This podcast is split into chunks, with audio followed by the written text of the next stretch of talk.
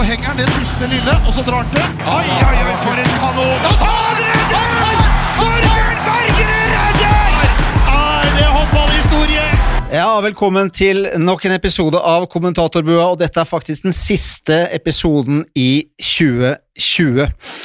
EM er over, og eh, om litt så skal jeg introdusere to gutter i karantene.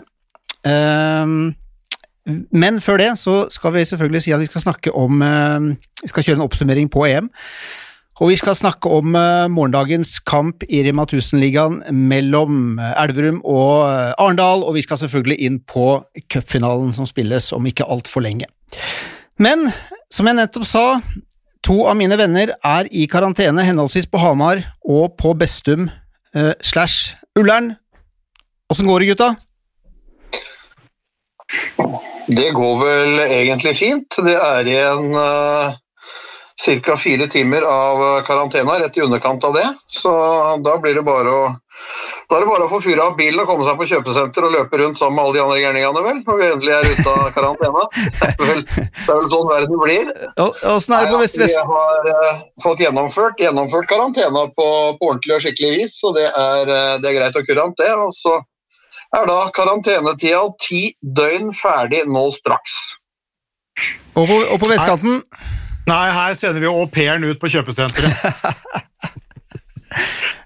Nei, du vet, jeg, jeg bor jo i Prøysenrøysa, for å si det sånn. Jeg er jo i Obos-lomme på Ullern her, så her er vi Det du skal gjøre, det må du gjøre sjøl, ja. Så nei, det er kun timer igjen eh, av den karantena. Det, det har jo i og for seg gått bra. Etter at vi kom hjem fra, fra Danmark og Kolling, så har vi i og for seg bare sittet hjemme i, på soverommet, i stua, i kjelleren, på kjøkkenet og jobba med EM. Uh, satt jo der senest i, i går og fulgte internasjonal pressekonferanse og intervjua håndballjenter i mix-zone etter, etter, etter, gullet fra, fra, sofaen. Jeg tror fruen var fornøyd med at EM nå er, er over.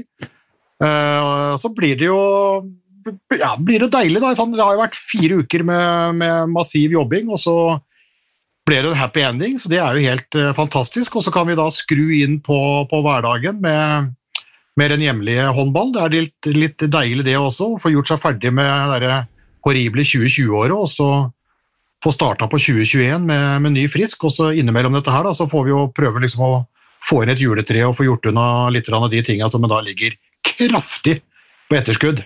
Det kan, hende at det, det hende at det blir noen gavekort. Det kan hende at det blir noen gavekort i år. Men eh, det er jo som du sier, eh, i den EM-bobla hvor alt dreier seg om EM, så blir jo på en måte Rema 1000-ligaen Den ruller jo videre for gutta, men den kommer jo litt i skyggen. Det, det, er ikke den samme oppmerksomheten, man glemmer det litt. Så, så, sånn sett, for den hjemlige seriens del, så er det jo greit at nå ting er avslutta, og at vi kan fokusere på, på den eh, fremover, da. Men det er jo ikke så lenge før det braker løs i Egypt heller, selvfølgelig. men eh, men likevel, vi skal tilbake til, vi skal tilbake til toppkampen nå om ikke altfor lenge. Men øh, jentene, de, de fiksa biffen, altså. Ja, de, de, greide å ta vare på det favorittstempelet som vi i utgangspunktet hadde på dem. Vi trodde vel også at, at eh, Frankrike slash Russland, så ærlig må vi være, i hvert fall fra start av, var de lagene som kunne utfordre Norge. Eh, så viste det seg at Danmark kom, kom, godt ut av det, men eh, det ble jo en finale som, eh, som ble jevn, tett og spennende. Altså, det var antageligvis ikke den mest velspillende finalen som har vært, men det er jo ingen som bryr seg om på, på stilpoeng der etterpå. Men en fantastisk førsteomgang av Norge. og så lugga det jo jevnt og trutt, i hvert fall i den offensive delen av spillet i den, i den andre omgangen. Men, men, den defensive delen av det hele målvaktspillet til Silje Solberg var jo av meget høy klasse i hele kampen. og Da greier de også til syvende og sist å dra inn og, og endelig stå på toppen av pallen igjen, kan vi si. Og så kan de andre landene som, som da ikke har henta medalje på en stund, vi syns jo det er lenge når det har gått fra 2016 og til 2020 at ikke de har stått på toppen. Så nå, men nå står de. Nå er de der hvor de egentlig hører hjemme, og så får de et nytt EM-gull. og Fantastisk å se også en god del av de spillerne som kom tilbake, og de bidragene som har kommet av, av flere av dem. De var jo den store favoritten. altså Vi hadde dem som den store favoritten. Uh, og så hadde vi jo Frankrike og Russland som de største utfordrerne. Uh, med Danmark som en uh, outsider, sammen med Nederland og Tyskland. alt det gikk jo ikke inn. Det var jo flere som snubla her. Men jeg så klart for meg før det starta Norge-Frankrike i finalen med Norge som vinner, og det gikk jo inn. Så var det en del av de andre tipsa som, som ikke gikk inn, men det er jo ikke akkurat sånn genialt å tippe Norge-Frankrike i, i finalen Norge som vinner. Det lå litt i korta, men uh, det er veldig bra jobba. Jeg, jeg syns at de to beste laga i EM møttes i finalen, uh, og at det beste laget vant foran det laget som er en veldig, veldig god nummer to, og som fort i et OL som kommer alt mulig, kan, kan bli en enda tøffere, tøffere utfordrer. Men jeg syns det er jeg syns det er uh, veldig godt gjort av, av, jentene. Slå tilbake når de får fullt uh, mannskap, ha favorittstempelet og, og, innfri. Og stilkarakterer, det har vi i hoppuka, og ikke på håndballbanen. På, på, håndball er det viktigste tett, spennende og happy ending. Det er det eneste som betyr noe. Men, men de klarte jo, og det skal, det skal, det skal de norske håndballjentene ha for, fordi de, de cruisa seg gjennom eh, både innledende og mellomspill, og så kommer de da til en semifinale mot Danmark som de aller, aller fleste trodde på forhånd de skulle ta, og så uh, blir de tatt på senga av et, et kjempende dansk lag. og det er jo, det, er jo ganske, det tar jo ganske lang tid før Norge faktisk har kontroll på den matchen der sånn. Ja, sånn sett så er den kampen der ganske lik de to treningskampene. I hvert fall den siste som de hadde i Veile før turneringa, hvor, hvor, Danmark spilte opp, uh, spilte opp, mot Norge. Men, uh, men samtidig så, så syns jeg vi ser altså det er, en, det er en tro på egne det er en tro på at de skal kunne greie å gjøre det til slutt. Det er en ro. Og ikke minst så synes jeg Når de har kommet litt skjevt ut, så har de greid å bruke pausene godt til å greie å endre og snu. Og så kommer det på en måte et enda litt mer skjerpa norsk lag på banen i semifinalen mot Danmark i den andre omgangen.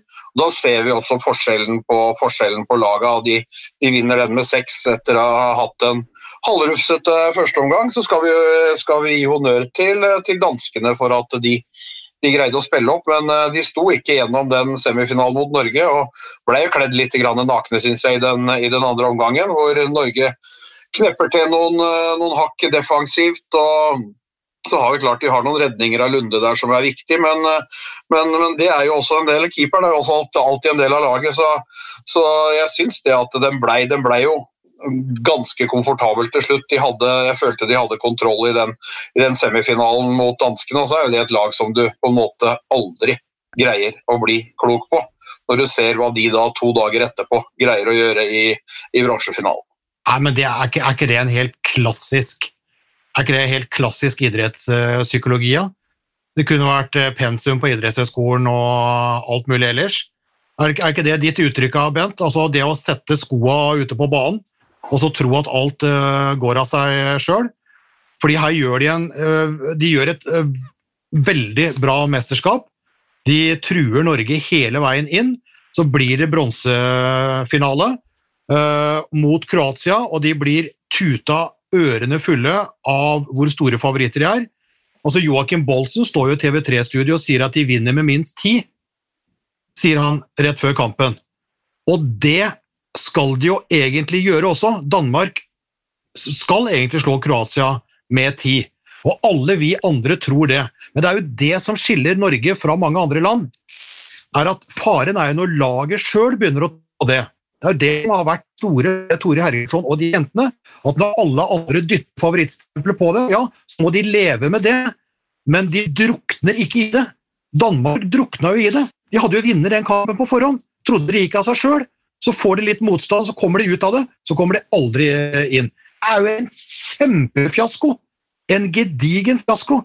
Her skulle de altså ta sin andre medalje siden 2004. Altså mellom 2004 og 2020 så har de altså én medalje, og det er altså bronsen fra VM eh, i 13. Så nå hadde de muligheten til å ta, ta den igjen, og så bommer de. Tenk på Sandra Toft, da! Spilt over 130 landskamper, og hun var ikke med på EM13-bronsen. Hun har spilt over 130 landskamper med Danmark, aldri tatt en medalje. Det er jo helt, det er helt utrolig. Vi sitter og sutrer fordi det, det, er noen timer siden vi tok det forrige gull, liksom. Så så det, så det er eh, så det er veldig veldig spesielt. Men, men, det tenker jeg, altså Danskene har noe på gang, for all del, men det sier litt om denne profesjonaliteten som er i det norske laget, og som da ikke var i, i, i den danske. Og hvor kroatene får den bronsen. Det er jo helt fantastisk og eventyrlig av Kroatia. Men Danmark dreit seg ut, Nederland dreit seg ut, Tyskland dreit seg ut. Det er en av de tre landene som skulle vært på pallen, ikke Kroatia. Men, men, det er jo, når du er inne på Kroatia, vi må få gi dem en liten sånn hyllest, for dette er jo, dette er jo jenter som jeg, mange av dem skulle egentlig ikke vært med, fordi det var så mye skader. Eh, det var ingen pressedekning før de i prinsippet kom til semifinalen. Da, altså det var den første kampen de sendte på kroatisk TV, og Kroatia er et håndballand eh, på sin hals, altså. Og, og, og så, så, så de, de kjemper jo disse lagene ut av stilen. Det var jo bare Frankrike de virkelig ikke nådde opp til. Så vi får, gi, vi får gi litt kred til Kroatia, og særlig da Jeg tror det, jeg husker ikke Var det målvakten, var det Pinsjevic hun heter? Jeg tror, jeg tror, det, men uansett, hun, hun, altså hun står veldig uortodoks spillerstil. Gjemmer seg bak stanga, men tar sikkert eh, godt over 50% av alle kantskudd og var eksepsjonell i mange kampene. Så, så det syns jeg er litt det er sånn moro å se på. Det er en litt sånn Askeladd-historie. Ja, da, det, er, ja, det er ingen tvil om at det er. Og så er det, jo, det er jo alltid gøy å se noen som du egentlig ikke forventer noe skal komme opp og gjøre det, og de kan gjøre det, men, men eh, sånn, altså, vi, vi, satt jo med haka når de vant den første kampen nede på, på andre knapphølet. Og, og, og, så blei det jo bare mer og mer hele veien etter hvert, og så var vi jo helt sikre på at når de da at de, skulle, at, altså at de skulle ryke på Tyskland, og når de da tar den, kommer inn til en, eh, kommer inn til en semifinale og blir spilt ut av hallen og så greier de å samle seg, og så greier de å gå inn. Og så tror jo sikkert danskene, som også sikkert de fleste andre trodde, altså etter en, etter en kanonstart og 3-0 til Kroatia, så går danskene rett til 7-4. Så tenker de ok, da er det, nå er skapet satt på plass, nå går det heretter. Men så fighter de seg inn i det gjennom målvaktsredninger, gjennom en heroisk defensiv innsats og gjennom å bruke de tinga som de er gode på, som danskene lot dem gjøre. altså spille spille den ballen innafor de meter. Greide nesten aldri å lage brudd. Spilte inn mot passivt og lagde det. Så, så det, er, eh, det, er, det, er, morsomt å se på. Ja, det... det er gøy at det fortsatt kan, at det fortsatt kan være. Ja da, men vi går jo nå inn i tida med tre nøtter eh, for Askepott osv. Altså, altså, dette her er jo håndballens Askepott-historie. Altså, dette her er jo den derre lurvete, lurvete stesøstera som er stua bort, og som ingen tror på, og som plutselig, boff, så er det en flott eh, prinsesse eh, som vinner eh, bronse og halve kongeriket. Altså, jeg elsker jo sånne historier. Det er jo helt fantastisk. Eh, men samtidig så ser du jo nivået til kroatene, kroatene når de møter de to som tar medaljene foran dem. De blir altså hakkebøff mot uh, Norge. Og de blir altså en gryterett uten krydder når de møter Frankrike. Da ser du hvor langt unna det toppnivået de er. Så selvfølgelig, vi elsker Askepott, men jeg klarer fortsatt ikke å la være å forundre meg over de tre som burde ha kjempa om den bronsen, og som snubla og, og falt mot, uh, mot nettopp kroatene. Nederland, Tyskland og Danmark. Jeg, jeg fatter det ikke, men for all del, all ære til kroatene, men jeg fatter altså ikke, ikke, ikke det andre. Og, og, og, det du sier, Faye, altså, du sier innledninga de tre gruppespillene de tre mellomspillene Norge vinner med et snitt på over elleve mål. Jo, men i flere av de kampene der så, så sliter de bl.a. mot kroat, kroatene. Det løsner ikke før eh, godt ut i andre omgang, men det er jo det som er styrken til, eh, til Norge. Jobber, har troen på egne ferdigheter, finne ut av motstanderens uh, svake trekk, justere og slå tilbake øh, og vinne. Og Det er jo tross alt sluttresultatet og ikke pauseresultatet som teller. Uh, og Der var altså Norge klart best. Åtte av åtte, bang! Ja, det er sant. Men du, hva, du, Harald, du har, i tiden som har vært, så har du vært like mye på i Kristiansand som, eller i året som har gått, som du har vært hjemme, og da mener jeg at du har vært og lagd mange reportasjer med Nora Mørk. Mm. Og hun ble jo naturlig nok, da eh, Hva skal jeg si eh, Alle medienes søkelys var på henne etter kampen pga. at hun hadde vært lenge ute. Hun, det var en revansj. Hva, hva, tenker du om hennes eh, innsats og, og hele situasjonen? Ja, Det er helt fantastisk. Nora er en av mange altså gå inn på. Eh, det er veldig mange som har overraska meg positivt, og som stått fram, og som da har lagd et helt utrolig kollektiv i dette her, av, av store individualister. Vi kan, vi, kan, vi kan, godt ta den, kan godt ta den lista etterpå, for det, det vil jeg gjerne gjøre. Men, men, men, eh, men Nora, Nora, først. Da. Nora har jeg fulgt, fulgt tett nå gjennom, eh, gjennom, de skadeperiodene, både den første skadeperioden hun hadde i, i Larvik, med de seks kneoperasjonene, og så etter hvert da det som har blitt ti operasjoner. Eh, Mista to mesterskap, kommer inn i høst, bruker en måned på å finne ut av det i Vipers. Eh, og vi var jo ikke så veldig eh, usikre på at Nora skulle bli en stor bidragsyter her, men vi var litt, vi var litt spent på hvilket nivå klarer hun uh, å treffe ut ifra det som hun har, hun, hun, har med, hun har, vært med, på. Og så blir hun altså EMs desidert toppskårer. Hun har en treffprosent på 74 uh, i det comebacket der. Hun er en bidragsyter eh, av det store, og i det kanskje flere enn meg tror at ja, men hva skjer nå i finalen? For hun var jo lenge usedvanlig reservert. Hva skjer nå? Skal du liksom floppe i finalen og ikke gi oss den, eh, den hjelpa? Så kommer altså den derre utligninga på, på 1919, som er helt eventyrlig. Og idet hun da roter bort en ball, som hun har gjort i enkelte kamper uh, før, og ikke så mye i EM før, og gir den der utligninga til uh, Tseminko. Hva gjør da? Hun går rett opp og bare klinker inn eh, ny scoring. Altså, hun skårer jo på to av sine tre siste. Den siste straffa er ikke hun skårer to av de fire siste, og det er ikke tilfeldig. Og den hvor hun går opp på ni meter og klinker i krysset, det er så helt vanvittig sterkt, altså! Og med den forhistorien så blir det også en eventyrhistorie. Uh, Altså Hun er tilbake, tilbake som den eneren hun var, i den eh, posisjonen. Så viktig for, eh, for, det laget. Det er ekstremt imponerende. Det er ikke så overraskende, Det er ikke så overraskende, for vi vet egentlig eh, hva Nora Mørk er, er lagd av. Men at hun allikevel liksom da traff det toppnivået i det mesterskapet, med den historien hun har hatt de siste årene, det er vilt imponerende. altså. Det er vilt imponerende. Jeg kan ikke ta med hatten, jeg burde egentlig tatt av meg barten. Bent, enig med Harald, eller? Ja, fullstendig enig med Harald. Altså, det, er jo, det, er jo, å tenke, Hvis en skal tenke litt tilbake, så, så, så skadeperiodene vi, vi, sendte jo serieåpninga til, til Vipers Kristiansand eh, den sesongen her borte mot Sola hvor hun gråt sine tårer, gledestårer etter den kampen, for da hadde hun gjennomført en full håndballkamp for første gang på aldri så lenge. Hun var ikke så opptatt av prestasjon eller noen ting, men den progresjonen som har vært etter det, altså kulminerer med det bidraget hun gir i et mest på det høyeste nivået.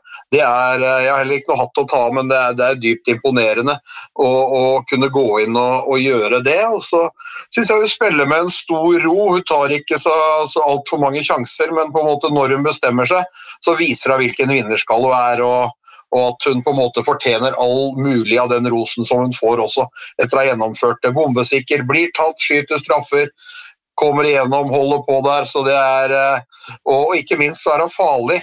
Altså, tenker på innspillet til, til, Kari Bratseth uh, mot danskene der i en semifinale, slipper den ballen over to stykker. Det er et håndballhode og det er, et, eh, det er, en fantastisk håndballspiller. og Vi skal være så takknemlige for at hun er tilbake. Det betyr for, det betyr nesten alt for, for Norge. Bra, enig. Um, det er gøy, og det er klart at som jeg sa, alle, alle ville jo ha en bit av Nora i går. Det, det er jo naturlig. Så, så, det var jo Ja, ja. men, men, men, men, Nora, Nora er uh, Altså, det er, det er, bare én. Det er bare én uh, av henne. Dessverre. Dessverre. Uh, altså, Nora er unik. altså, Håndballinteressen hennes er unik. Det har vært helt fra hun var lita, lita jente. det hun legger ned av engasjement og den altså, det, altså, det, det, finner, altså det, er ingen andre som har gått gjennom det Nora har gjort, og som fortsatt hadde, hadde spilt en EM-finale. Den personen finnes ikke. Det alle andre i hele verden hadde gitt opp lenge, lenge før dette her. Når hun står i det. Og Jeg er ikke sikker på om at hun kommer til å, at de knea kommer til å gi henne den beste alderdommen, men hun gir jo hylende F i det også. Hun skal bare ha noen gode år på tampen av karrieren. Hun skal bare Eh, vinne titler igjen. Hun skal til OL og ta det gullet etterpå, og så får det, får det, får det, får det bære og briste. Uh, og Vi husker jo den, den, den, den Sola-kampen, og hun slura jo rundt og var jo ikke helt seg sjøl. Uh, det løsna vel litt da, faktisk mot Oppsal, hvor hun skåra tosifra to Ja, ja, ja. Det var det. Var, var glad for det. Og så har det jo gått litt sånn litt sånn Bob Bob. Hun har hatt gode kamper, men også litt sånn under i, i Vipers. Hun sier jo sjøl at du har jo faktisk skåra mer for Norge i EM enn vi har gjort i Vipers nesten hele, nesten hele høsten, bare for å sette det litt, litt på spissen. Så det, så det er, er, er, helt fantastisk håndballhode og fantastisk håndballspiller, altså. Og den stayerevnen der, den er, den er unik. Men, men, det er veldig mange. Jeg satt og tenkte litt på det i sted og begynte begynte å ramse opp. Det er ekstremt mange som har uh, imponert meg og gjort en ekstraordinær uh, innsats i, uh, i, dette, i, dette, mesterskapet her. Tenk, tenk, på, tenk, på, Silje Solberg, da. Som kommer, altså, som driver da og, og, og trener og trener da i leiligheta i, i Gjør og ser korona og ene testen etter den andre, positiv, positiv, positiv, som jo er eh, negativt, og tror at EM skal glippe. Og driver da på soverommet og setter senga på høykant og lar kjæresten skyte på senga mål og holde på, holde på der. Kommer inn i EM midtveis. Hun redder oss jo. Ja, altså, er, mm. altså, vi har jo en frelser, vi har jo flere frelsere offensivt, men det er jo kun én, én frelser. Eh, aller, aller bakerst. Ja, hun har et forsvar foran seg, men aller, aller bakerst. Med den historien så kommer hun og redder 46% i finalen. Og da vi ikke klarer å finne ut av den der franske 5-1, og da de dytter eh, folk over på høyresida og nøytraliserer Nora en periode der, så er det jo Silje Solberg som holder oss inne i, i kampen. Hun avslutter altså som VMs beste keeper med et snittprosent på 41 etter den historien. Det er jo helt vilt! Katrine Lunde, da. Ja, hun, hun får, jo, får, jo, en birolle i finalen. Hun har altså vært ute med tre kneoperasjoner, og kom da tilbake på banen eh, i høst. Rett før EM så mister hun sitt ufødte barn, kommer inn i EM og redder 38% av ballene. Ja, Det var jo hun som redda oss i semien, så ærlig det sa jo Bent også, så ærlig må vi være. Ja, og de lager jo et fantastisk eh, team. Altså, Det Silje Solberg og Katrine Lunde gjør, sammenligna sammenlignet med Nora Mørk, det står jo til, står jo til, eh, til troende, og de tre historiene er jo helt uh, unike. Og så kan du la seg imponere av altså Camilla Herrem, midt i 30-åra, spiller altså da for, uh, for Sola, uh, litt under Litt under de to beste i norsk eliteserie, er på Allstar-team igjen!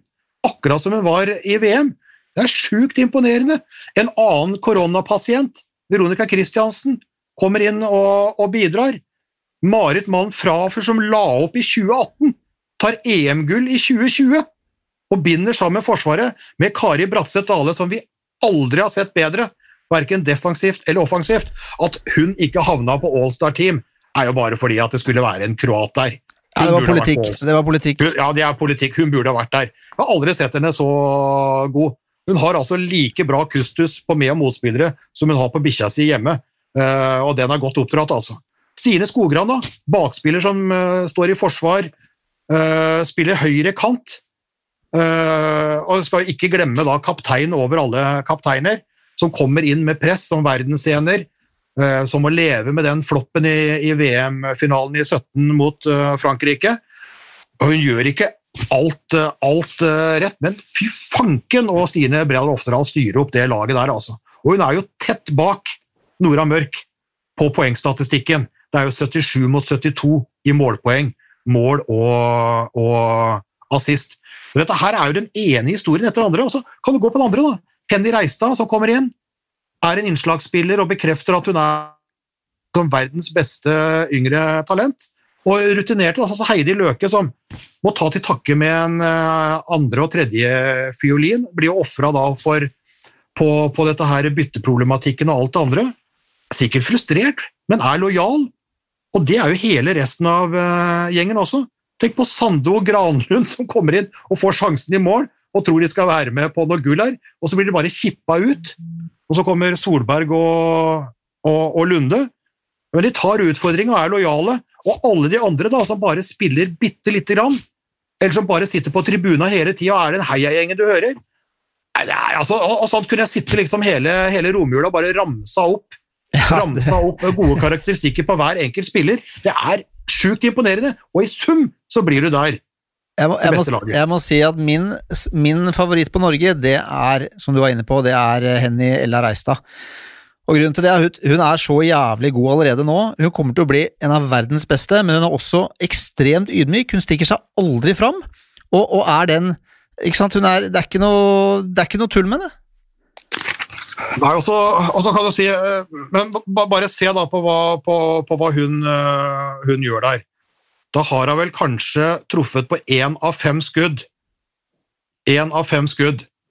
Og det står 19-19. Ikke sant? Det står, det, det, står, det står og bikker der. Nora Mørk har skåra utligna, og Frankrike har rota bort en, bort en ball. Uh, og så går hun bare all in og kliner den i det lengste krysset til, til 2019. Får da, får da treffet på to av seks, men den ene Ja, Det stegskuddet der er i verdensklasse, ikke sant? Det er, Altså, altså, altså det, altså det 2019-greiene det er så inn i hampen viktig. Og det gjør henne på en måte ung, ja, kanskje ikke ukyssa, men allikevel altså, Det er, det er fremragende. Jeg skjønner deg godt, uh, Faye. Ja. Du liker jo litt yngre kvinner òg. Du hører jo at vi prater litt mer om de modne, men uh, alt, men, men, alt er relativt. Men, men faglig så er vi helt på linje. ja. Ja, men det tror jeg også handler dette her, det handler mye om en kultur som på en måte er bygd opp over år, hvor folk er trygge, trygge i det. Og det handler også om en trygghet når du kommer på banen, så på en måte du også, kan du gjøre det. Én ting er det stegskuddet til Reistad, fantastisk. Så er det hun som på en måte setter opp uh, Sanna Solberg på den siste goalen, hvor hun da gjør et overslag utover, får på seg kanten og slipper den ballen, sånn at Sanna Solberg kan sette 22-20-målet. Så, så, så de blir jo, etter å ha hatt rufsete ting inn i match, så, så tør de, og det er jo det som på en måte er, er det store. For jeg tror ikke det er noe frykt der for å gjøre noe feil eller gjøre noe. Altså De går på, så vet de at de er mer enn gode nok til å kunne gjøre de tinga som kreves for at det skal kunne avgjøres. Og så tror jeg de er glad på en måte. Altså det er eh, noen hater å stå i sånne situasjoner og er desidert best når du spiller mot middelmådig lag eller leder med fem-seks mål, mens andre elsker de situasjonene når det på en måte er uavgjort, det er jevnt. Altså den neste aksjonen jeg gjør, kan være med på å avgjøre kampen. Elsker å stå i de, og de går inn og de tar det. Så det er, så det er greia. Og litt tilbake til altså alle de Harald nevner, så, så handler jo det om den kulturen som har vært der. Det er en grunn til at de har vunnet alle de medaljene, at de har vært i verdenstoppen siden, siden 86. Da er det 19 som står foran, og at de fortsatt er der enda. Det er all erfaringen de har, det er alle de tinga de gjør, og det er den tryggheten de har som gruppe. Også, og ikke minst så er det den lojaliteten som ligger mot laget og mot gruppa, som er helt unik. For det er ikke så mange som Jeg tror i en del andre nasjoner så er jeg ikke sikker på at, eh, at stjernespillere hadde tålt eller hadde akseptert å sitte så mye på benken og vært med og heia og jubla uten å lage noe tull, sånn som det er rundt det, det laget til Norge. Så, så all ære også til, til de som på en måte har styrt opp bygd opp den kulturen, og til de da som er kulturbærerne, og de nye som kommer inn og gjør tinga. Det er, eh, det er fantastisk lov til å se på. Ja, og jeg, jeg, jeg synes på måte, altså Vi har jo vært imponert over de jentene før og de prestasjonene, den kulturen, den tradisjonen, eh, altså det arbeidet, det grunnarbeidet som legges ned her. Men eh, akkurat i dette horrible eh, året, eh, 2020, da, eh, så er det lagt, lagt ned en, en, en, en spesielt egeninnsats, og det er veldig mange som kommer inn her med, med ting i bagasjen som ville ha knekt mange andre. Altså Når vi da tenker liksom på, på koronaen med Silje og Vicky, når vi tenker da på skadene med, med Nora Mørk, med skade og, og barnet til, til Lunde, så er det, det, altså det er helt ekstreme ting eh, som ligger til grunn for det, og likevel så blir det topprestasjoner. Og, det, eh, og, og, sånn, sånn har det ikke alltid vært før, og det gjør dette her enda mer, eh, mer eh, imponerende. Og det du sier da om, om henne Ella Reistad, det som er flott der, er at vi er jo så glad i den turborekka vår med Veronica Christiansen, med Stine Bredal Oftedal og Nora Mørk. Eh, og så har vi jo ganske mange andre gode innslagsspillere også tidligere, ikke sant? med eh, Emilie Heg Arntzen, med Stine Skogran som kan komme eh, inn der, eh, med en Martha Thomas som har vært inne. Men det er klart, det som Henny, Henny Reistad tilfører der, da, altså, hun har jo også turboen inne. Så går det én turbo ut, så kommer det én turbo inn, så du kan holde på en måte liksom farta og gjennombruddet inn. Og hun er jo en fantastisk uh, potet. altså Som Ivar Hoff sa, det svarte skjørtet kan brukes til alt. Altså Den yngste på laget. Hun kan ta venstrebekken for Vicky, hun kan ta playmaker-rollen for Stine, og hun kan ta høyrebekken for uh, Nora. Den løste hun jo strålende i det forrige EM-et, i 18, som, som, debutant. Og hun står godt bakover. Og det er lagets yngste, altså. Ja, det blir, altså hun kommer til å bli verdens beste. Hun kommer til å bli, til å bli verdens mest komplette håndballspiller. Ja, hun gjør det. Hun gjør det, helt klart. Ja, vi eh, Det endte som sagt med gull, og det er vi veldig glade for. Bare et par sånne småting rundt EM. Eh, vi registrerer at Bella Guldén legger opp. Det viser i hvert fall på landslaget. Ja, på landslaget, helt riktig. Det er vel det at hun har, skal ikke bruke så mye tid på det, men hun har jo vært, en, hun har på en måte vært selve symbolet på den svenske håndballen de siste åra. Ja, det har jo vært, altså, det har jo vært ledestjerna. Det er vel 15 mesterskap. Det er, eh, det er altså den, den, største personligheten og den største stjerna svensk håndball har. Ja. Uh, PT også, uh, sånn at uh, uansett om det er damer eller herrer, så har hun, hun, vært det. Så det er klart at det er jo vemodig når den type spillere blir borte og forsvinner fra, fra et landslag, men har kommet inn da etter fødsel, fått en birolle på, på, landslaget, ikke vært oppe på samme nivå kanskje, og litt og ny trener, så alltid vemodig når, når, noen av de store forsvinner, men, men vel blåst til uh, gull igjen. Ja. Fantastisk, eh, fantastisk uh, håndballspiller. altså Har gleda oss gjennom uh, mange mange år. Vi, vi, elsker å slå danskene, men vi har jo elska like mye å slå, å slå svenskene. Uh, men når vi har slått Sverige, så har det nesten gjort litt, litt vondt. For jeg har så sansen for Bella Guldén. Men, eh, men alt, har en, alt, har en, slutt, altså. Og det, det var vel eh, slutt nå, så vi bare håper at uh, svenskene kommer liksom litt tilbake. Det ble jo litt skuffende for dem dette her, at de kommer litt tilbake. fordi det kommer jo et OL, OL, rundt her, og Norge trenger konkurrenter, og de kommer til å få konkurrenter. Jeg er jo ganske sikker på, det har vel Olivier Krumholz, den franske treneren, sagt også, at, at han hadde jo Norge som, som favoritt i EM men han tror at Frankrike skal bli mye bedre i, i OL. Eh, flere yngre eh, kommende spillere her eh, som han skal bearbeide litt inn mot OL. Russland kommer garantert tilbake. Da kommer jo også resten av, resten av verden inn, så jeg tror Norge skal få sabla kamp om, om det, det OL-gullet, OL altså. Men den trenger litt, men en trenger litt fight der. Og, også, en annen, en annen, ting der, jeg så VG lagde jo en, VG lagde jo en sånn sak her på at det er ingen som, som, som skjønner hvorfor, hvorfor, da Norge vinner så mye i EM. Altså, det er en helt vanvittig statistikk de har der. spillerne klarte ikke å svare på det. altså Hvorfor er Norge så sabla gode i, i EM? og tar liksom gull etter gull der. Uh, de har jo tatt VM- og OL-gull òg, men det er, jo, de er, jo, færre. Men jeg tror jo sånn tidligere så var kampprogrammet veldig tett, og det favoriserte Norges brede stall. Og etter hvert når de har løst opp, så tror jeg turneringsformen favoriserer eh, Norge. For det er først et seriespill innledningsvis, som går over i et seriespill, som da blir cup bare i semifinale og finale. Mens VM og OL i alle ulike varianter har gått tidligere inn i cupspillet. Så i et cupspill altså VM hadde jo Nå kommer det jo det i et nytt format, da, men VM gikk jo over i 16-delsfinaler og åttedelsfinale før kvart. Og det er slik at selv verdens kan ha en dårlig dag. Og når cupspillet starter så dårlig, så kan du ha en dårlig dag. I VM i 13 så hadde Norge en dårlig ti minutter, og det felte dem i kvartfinalen mot, mot Serbia. I EM så er det såpass mye seriespill at, uh, at du tåler å gjøre én feil. I EM i 18 så gjorde de to feil. Selv da kunne det kommet til en semifinale, men da er du avhengig av hjelp av andre. Men med én feil så kan du allikevel klare det. Hvis du feiler i cupspill, så er du ute. I EM så er det mye seriespill. Jeg tror det er litt av greia for, for Norge, og at de har en bred stall. Og I tillegg så tror jeg heller ikke vi skal legge skjul på at for en del andre land så betyr vel vinne mer enn en EM. Russland, for eksempel. Uh, sånn da vi kom over årtusenskiftet og Norge ble europamestere, Russland ble verdensmestere. Jeg tror rett og slett det OL-et og VM-et uh, rangerer litt høyere. Ikke det at de ikke prøver å ta, ta OL-gull, men jeg tror de går litt ekstra inn på de to andre turneringene. Så det mysteriet jeg tror ikke det er mye, mye større enn det. Kampprogram, turneringsform og betydningen av mesterskapet. Bra. Og jeg ser du blir ivrig nå, Harald, men det er viktig at du ikke vimser så mye med armer og kropp her nå, for da, jo, jo, mer du vugger, jo dårligere blir lyden, vet du. Så ja. For det første er det veldig mye kropp. ja. Uh, altså masse. Masse. Det er veldig mye masse, øh, og så er det veldig vanskelig å prate uten å bruke kroppen. Jeg ser det. jeg ser det. For de som ikke skjønner det, jeg ser Harald og Bent, vi sitter på, på en video hverandre. Men uh, vi skal også bare nevne, det var litt artig, vi hadde jo en podgjest for uh, eh, litt før EM starta. Eh, per Johansson, han fikk jo rett og slett ikke oppleve det EM-et vi snakka om. Han, ble, han fikk sparken rett før eh, mesterskapet starta.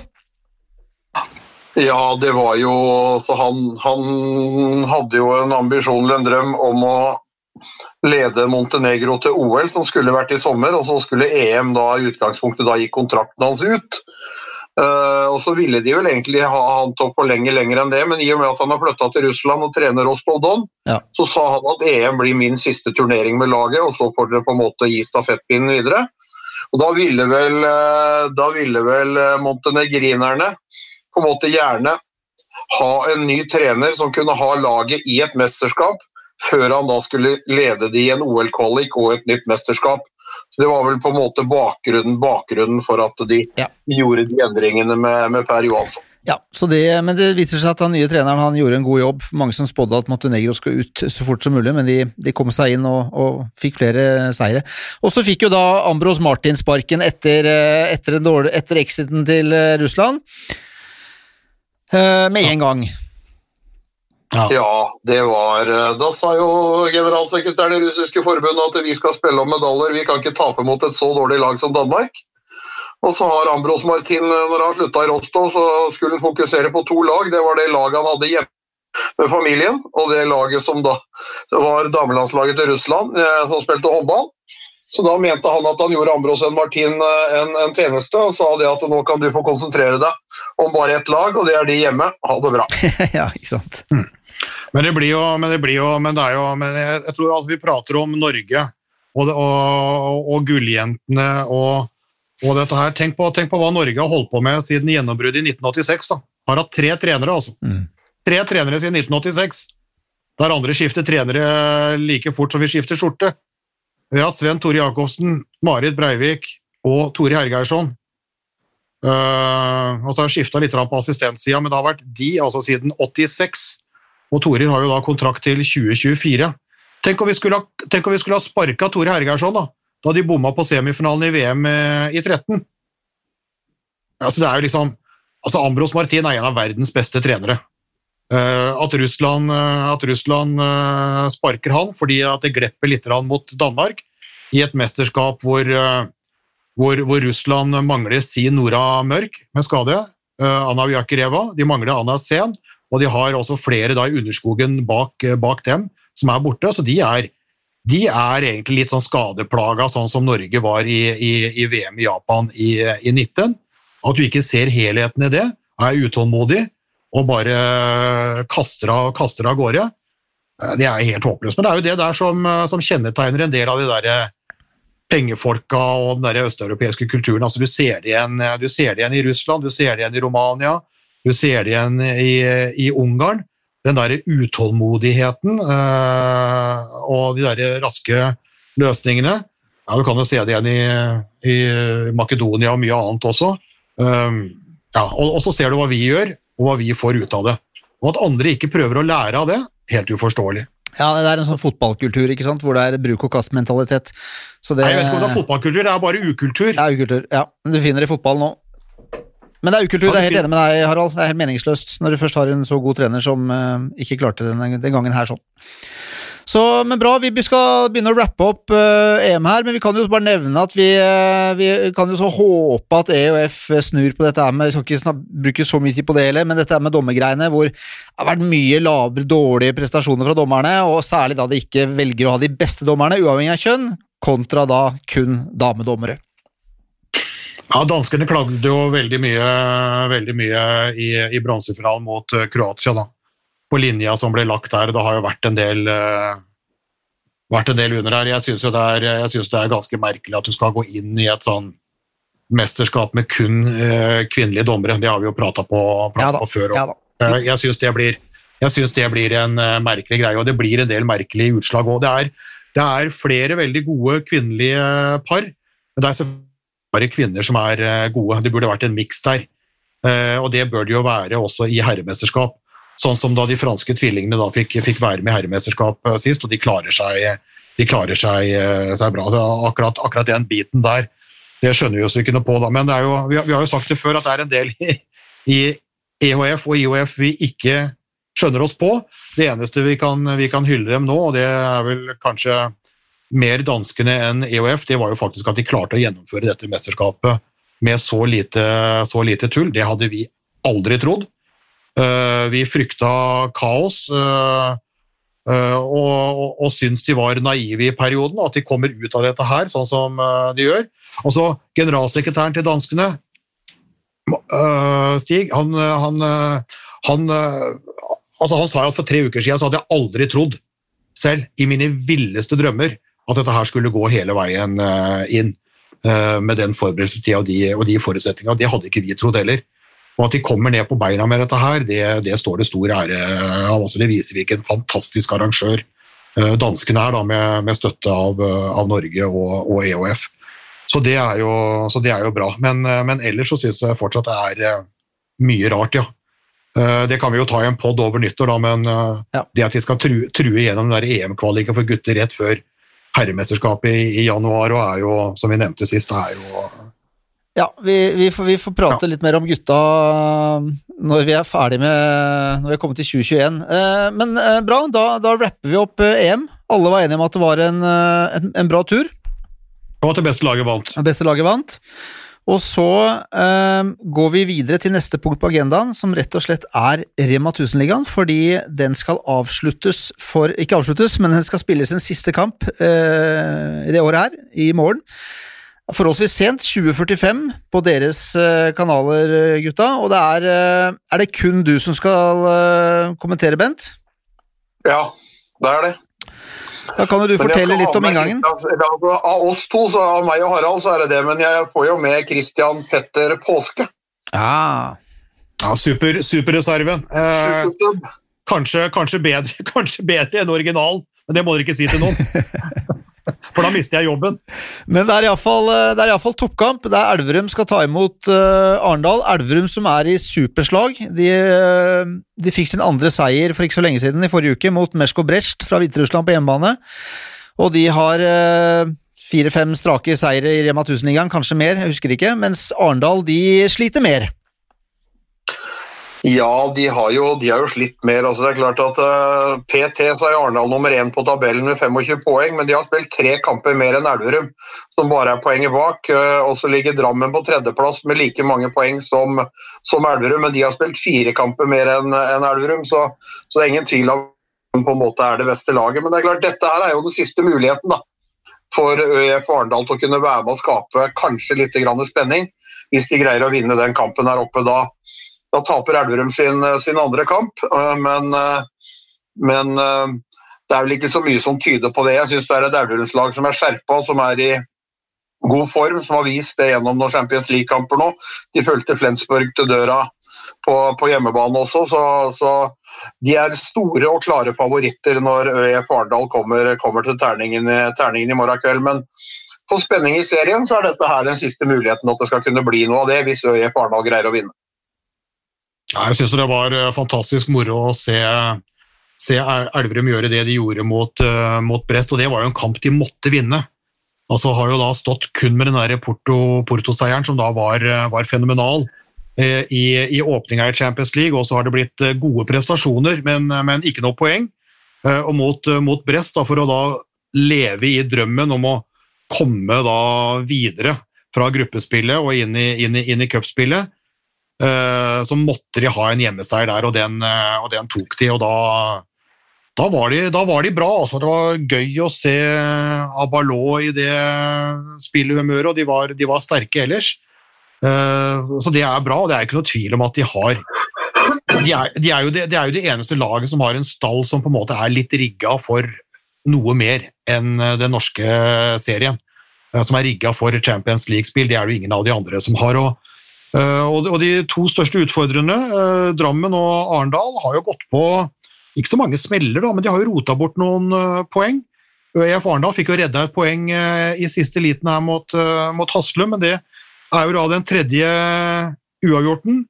Elverum har jo da tolv seire og ett tap. ØIF Arendal har elleve seire, tre uavgjorte og to tap. Og det er jo en del poengtap. og Hvis Elverum da kommer ett poeng foran med tre kamper mer spilt, så skal ØIF Arendal uh, ha lykke til. Uh, da drar jo Elverum dette her i land, og så er det jo allerede i, i, i cupfinalen, så da kan det virke som at de, de, kan bli sterkere enn noen gang. og Da er det jo sluttspillet. Så vi forhåpentligvis får arrangert i våren, da, som, som er uh, Arendal og Drammen og de andre sin, sin, sin sjanse. Ja, for det er det som er med serien, og hvis serien, selve grunnserien skulle bli avgjort tidlig, så er det jo som du sier, Harald, at jo, den nye gulroten er jo, er jo sluttspillet. Eh, som, ikke, som, ikke, ble arrangert i fjor, så nå er det sikkert en del sultne lag som, eh, som gleder seg til, et, eh, til, til, noe som betyr noe ordentlig. Ja, da, Sesongen er jo ikke over for Øya Arendal hvis de taper på, på Elverum. Men, men, men, seriegullet blir det vel da neppe noe av. Men det er klart hvis de mister seriegullet og tar sluttspillgullet, så er jo det bra for Arendal, for de har gjort det omvendte. Uh, og det er, å, det er jo ikke å foretrekke, så det er jo bra. Men det blir, en, men det blir da den, den, siste kampen da i 2020. Uh, serien, og serien starter jo ikke da før etter VM igjen. ikke sant? Altså Det blir jo da i begynnelsen av februar, så det blir en, det blir en, lang, en, en lang, pause da, hvor det, kan, hvor det, kan, skje mye. Og Det blir også en sein kamp. da, Det er jo fordi at fotballen har jo lagt sin serieavslutning til, til, denne, til denne tirsdagen. Uh, og det er akkurat sånn som du, du nevnte innledningsvis. altså Vi lar ikke klubbhåndballen kjempe mot landslagshåndballen. Uh, det er sånn Don Quijote. Da slåss du mot vindmøller. Ja. Uh, den kampen taper du. og Det samme er det er ikke noe vits å prøve å kjøre all verdens håndball mot, mot fotballen heller, så da legger vi den etter fotballen, og da blir det, da blir det, blir det 2025. Men en sein kveldskamp der når det allikevel ikke er tillatt med så mye publikum i hallen. Eh, det blir jo bra. Og så kommer det faktisk da, vi skal gjøre litt det danskene har gjort. Vi skal prøve da i de to siste kampene, i denne toppkampen i serien og da i cupfinalen 29., altså tirsdag om ei uke igjen, eh, Elverum Nærbø, Nå skal vi ha lyd på dommerne. Oi, eh, for nå er vi jo på cupfinalen. Nei, nei, nei, vi er ikke nei. Begge, begge Moro, to. Ja. Moro, ja. ja bare, bare, håper at utstyret, utstyret, kommer fram. Danskene har gjort dette her, og vi har vært misunnelige på danskene. Og så er det litt sånn utstyr og litt bemanning og litt økonomi uh, som har gjort at vi ikke har testa det, fordi dommersjefen og dommerne har egentlig vært helt med på det. De er, uh, de er interessert i å utvikle produktet, og de har vært veldig på tilbudssida, og det syns jeg er utrolig uh, sporty. Og Vi har tatt en ny runde med dem nå, og sier at vi har lyst til å prøve det da uh, i et par kamper nå før vi går ut av 2020. Og da blir det i, eh, i, i toppkampen her, uh, og i, i, serien og i, i cupfinalen.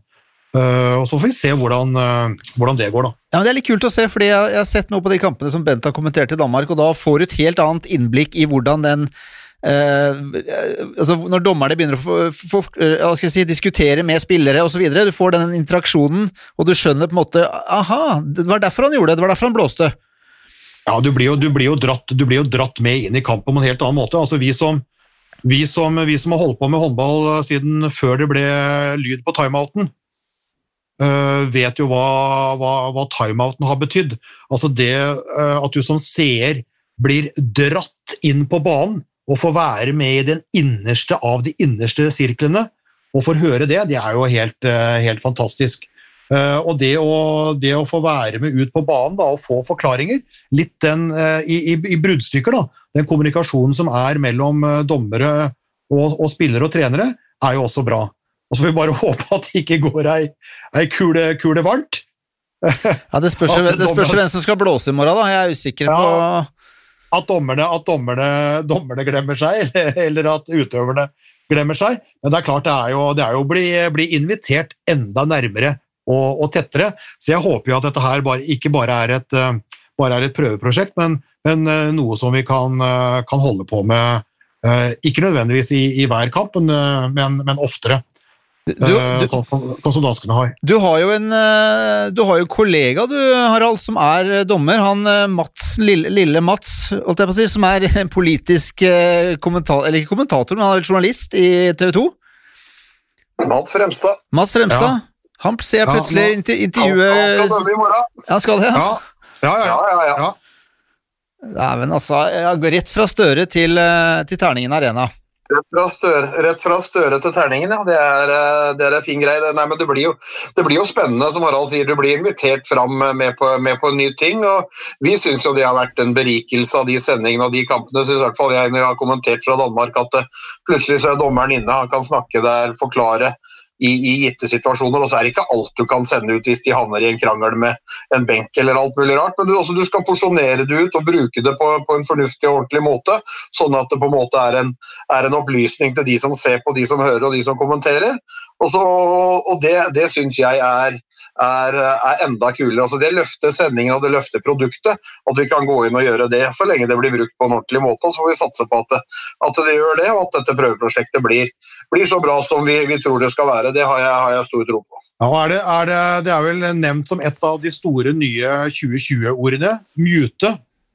Uh, i, denne Zoom Teams-verdenen som vi opplever, så er jo mute blitt det nye moteordet. Og dommerne har også muligheten til det. Altså Hvis de skjønner at her kan det gå aldeles gærent, lyden på akkurat den situasjonen her trenger kanskje ikke, eller bør kanskje ikke gå ut, så kan de mute. De kan mute seg sjøl. Er dommerne som muter, ja, riktig. Mm, dommerne kan mute, mm. ja. Fordi eh, ellers er det jo ikke noe, ellers er det jo ikke noe sånn eh, redaktøransvar og at dette kan kuttes og styre. Dette er live. altså går, det, går, det ut, går det ut, så går det ut. Men dommerne kan selv bestemme om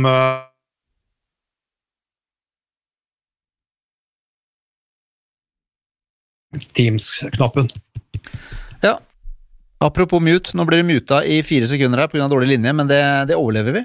Sånn er det å være i, eh, i den digitale podkastverden.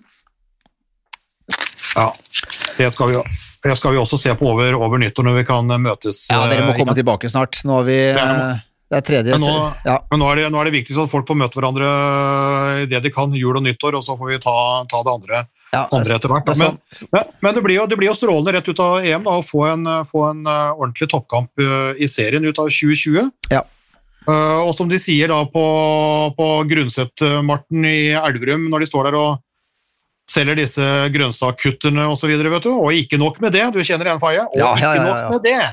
I tillegg så kan du også få med på kjøpet! Ikke sant? Ja, ja. Og Der kommer jo, der kom jo cupfinalen. da. Det, det, blir jo, det, blir jo, veldig annerledes i dette annerledes uh, året. Men tirsdag 29. Den, uh, den står fast. Uh, og den klarer vi da å Og det blir jo da ikke kvinnefinale, fordi kvinnene de sitter i karantene. Det er jo Vipers Sola, og de er jo EM-spillere på, på begge lag. Så den uh, finalen den blir nok uh, ikke spilt før uh, ut i februar, tenker jeg. Men herrene de går så Elverum dukker opp der også, mot, mot Nærbø. Og det er jo Nærbø er jo et eventyr. vi har jo prata om Askepott tidligere. Det er det er jo håndballens Askeladd. og så får vi da liksom mesterlaget fra Elverum. og den kampen blir jo da spilt ikke i Oslo Spektrum, dessverre, og ikke i Nadderud Arena, som var tenkt. Men for å få inn da 200 tilskuere, så blir den da spilt eh, på Hamar, eh, hjemmearenaen til, eh, til, til Storhamar. Det har jo litt med reise og sånn å gjøre også. Så det blir jo også en, også en, en strålende kamp. Og da, og da, ikke, da, da, har vi ikke manpower og vikarbyråer heller. Da tror jeg faktisk det blir onkel Bent og onkel Harald som, som, som tar den. Med, og da pimper vi opp produksjon. Da blir det litt sånn landslagsproduksjon og litt eh, indrebane og kommentatorboks, og da blir det litt, uh, da blir det litt ordentlig håndballsirkus. Ja, men det er bra. Det er bra. Det er uh...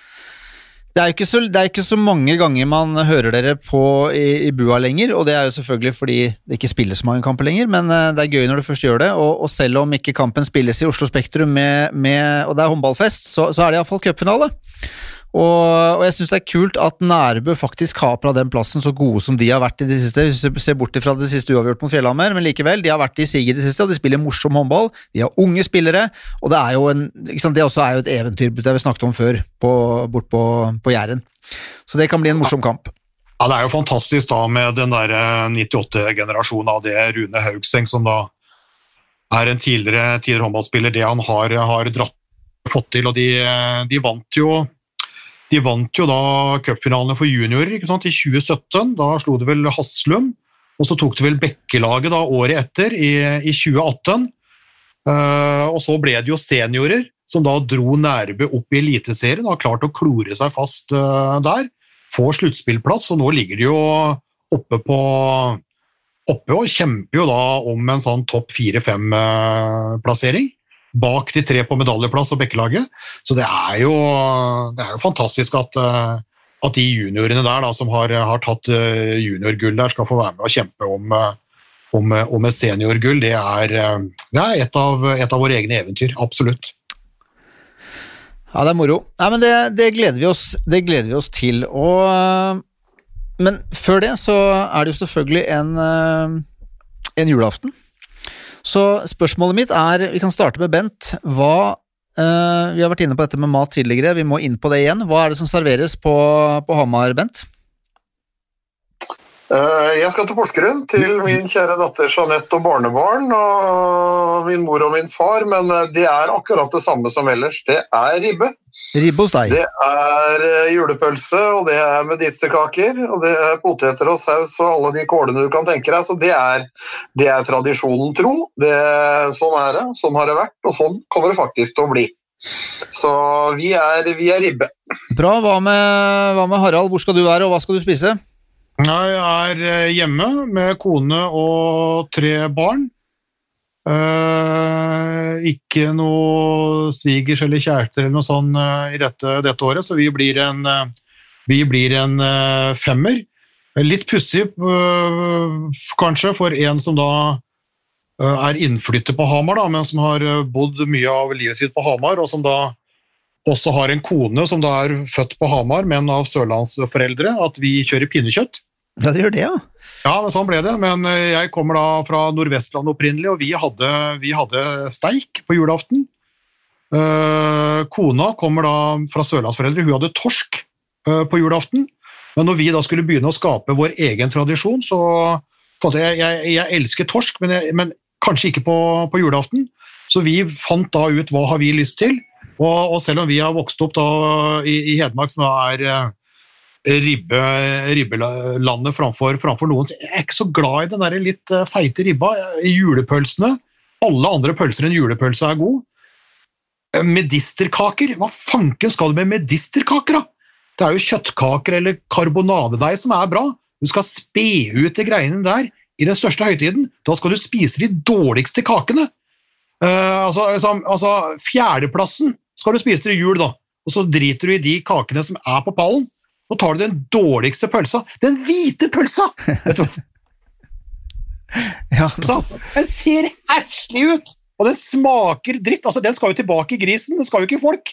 Så jeg, jeg, jeg fikser ikke det greiene der. Det eneste Vi hadde en buffé i Kolling hvor vi spiste dansk fleskesteik med masse kjøtt på, lite fett og sprø svor. Det var en høydare. Det kunne jeg hatt på julaften. Men vi går på pinnekjøtt, og der er jeg jålete. Jeg har altså en kompis som har jobba hos Ringdal slakteri på Hellesylt, som nå bor i Stranda rett utenfor, han sender da det beste pinnekjøttet ned til eh, oss i Oslo, som han har vært og, og pella ut på, på, slakteriet der. Så det er top notch pinnekjøtt med en sånn uh, mårpølse som du damper. Grov sånn mårpølse som du damper og har sennep på. Og litt sånn eh, tillegg. Og så har du kålrabistappe og mandelpotet eh, og alt det andre. Og når du har spist de greiene der, så har vi faktisk ikke dessert. Altså Dessertkongen Harald Bredli spiser ikke dessert på julaften. Uh, fordi det, det, etter de greiene der så, så, er det helt umulig å, å, å, klare å få inn. Så da blir det bare litt julekaker og litt uh, kaffe. Og en, en, kanskje en liten en i glasset ved siden av. Ja, det er, ikke, det er ikke mye Harald er uenig om, men når han skal begynne å ete saueribbe julaften og holde på med noen grove pølser og noen mårgreier, da sier jeg takk for maten. eh, så ærlig med å være. Men eh, tradisjon er tradisjon. Det er folk som spiser, spiser verre ting. Men, eh, men grove mårpølser og saueribbe, da hadde det, blitt, da hadde det bare blitt riskrem på svele. Ja, men her er vi, her er vi drita uenige. Men, er jo, men vi er jo sammen absolutt hele året. Ja, ja, ja. Vi, vi, er jo mer sammen enn det vi er med, med, med fruene våre. Og at vi da skilles ad på, på julaften uh, og går hver til vårt og spiser uh, det ulike, det er jo helt greit. Ja, Nå kommer, det- kona inn, nå kommer kona inn her òg. og skal ta av sengetøyet. Jeg, har prøvd det hele dag. ja, Torunn!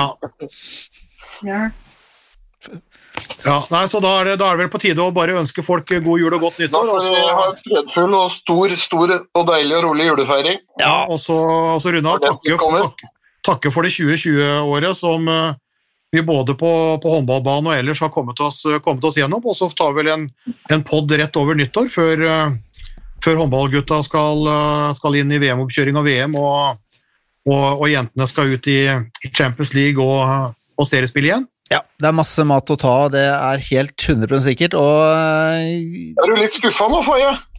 skuffa? At ikke vi spurte deg hva du spiste oppe på, på beste Å nei, vestkant? å nei, du vet at der er det Afghanistan? Der, der, der er det du, det, det, jeg, også, også er det medisterkaker og ribbe og, og steik, faktisk. Ja. Ja. Så, så det, det er Det er to mot én i bua, da. Ja, det er det. Men Harald sa han hadde steik, han også, så, men det er, det er ribbe Nei, jeg har ikke steik. Ja, i tidligere tider, i tidligere tider, i, Gamle dager hadde ja, steik. i gamle dager. Ja, det var i gamle dager, men nå er det, nå er det altså to mot én. Det er helt riktig, Bent. Det er helt riktig.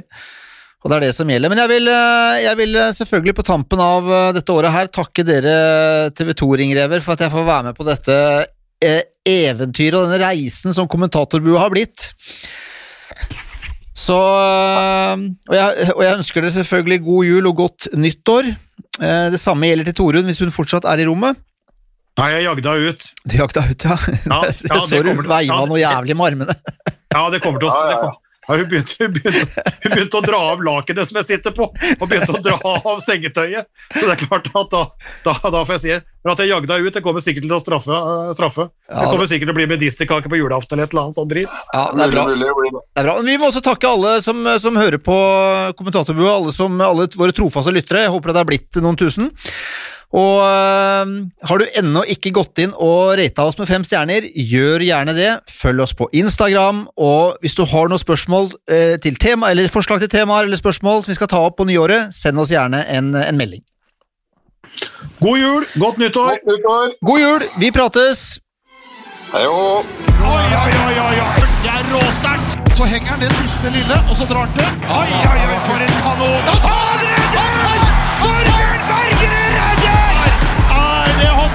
håndballhistorie? Moderne media.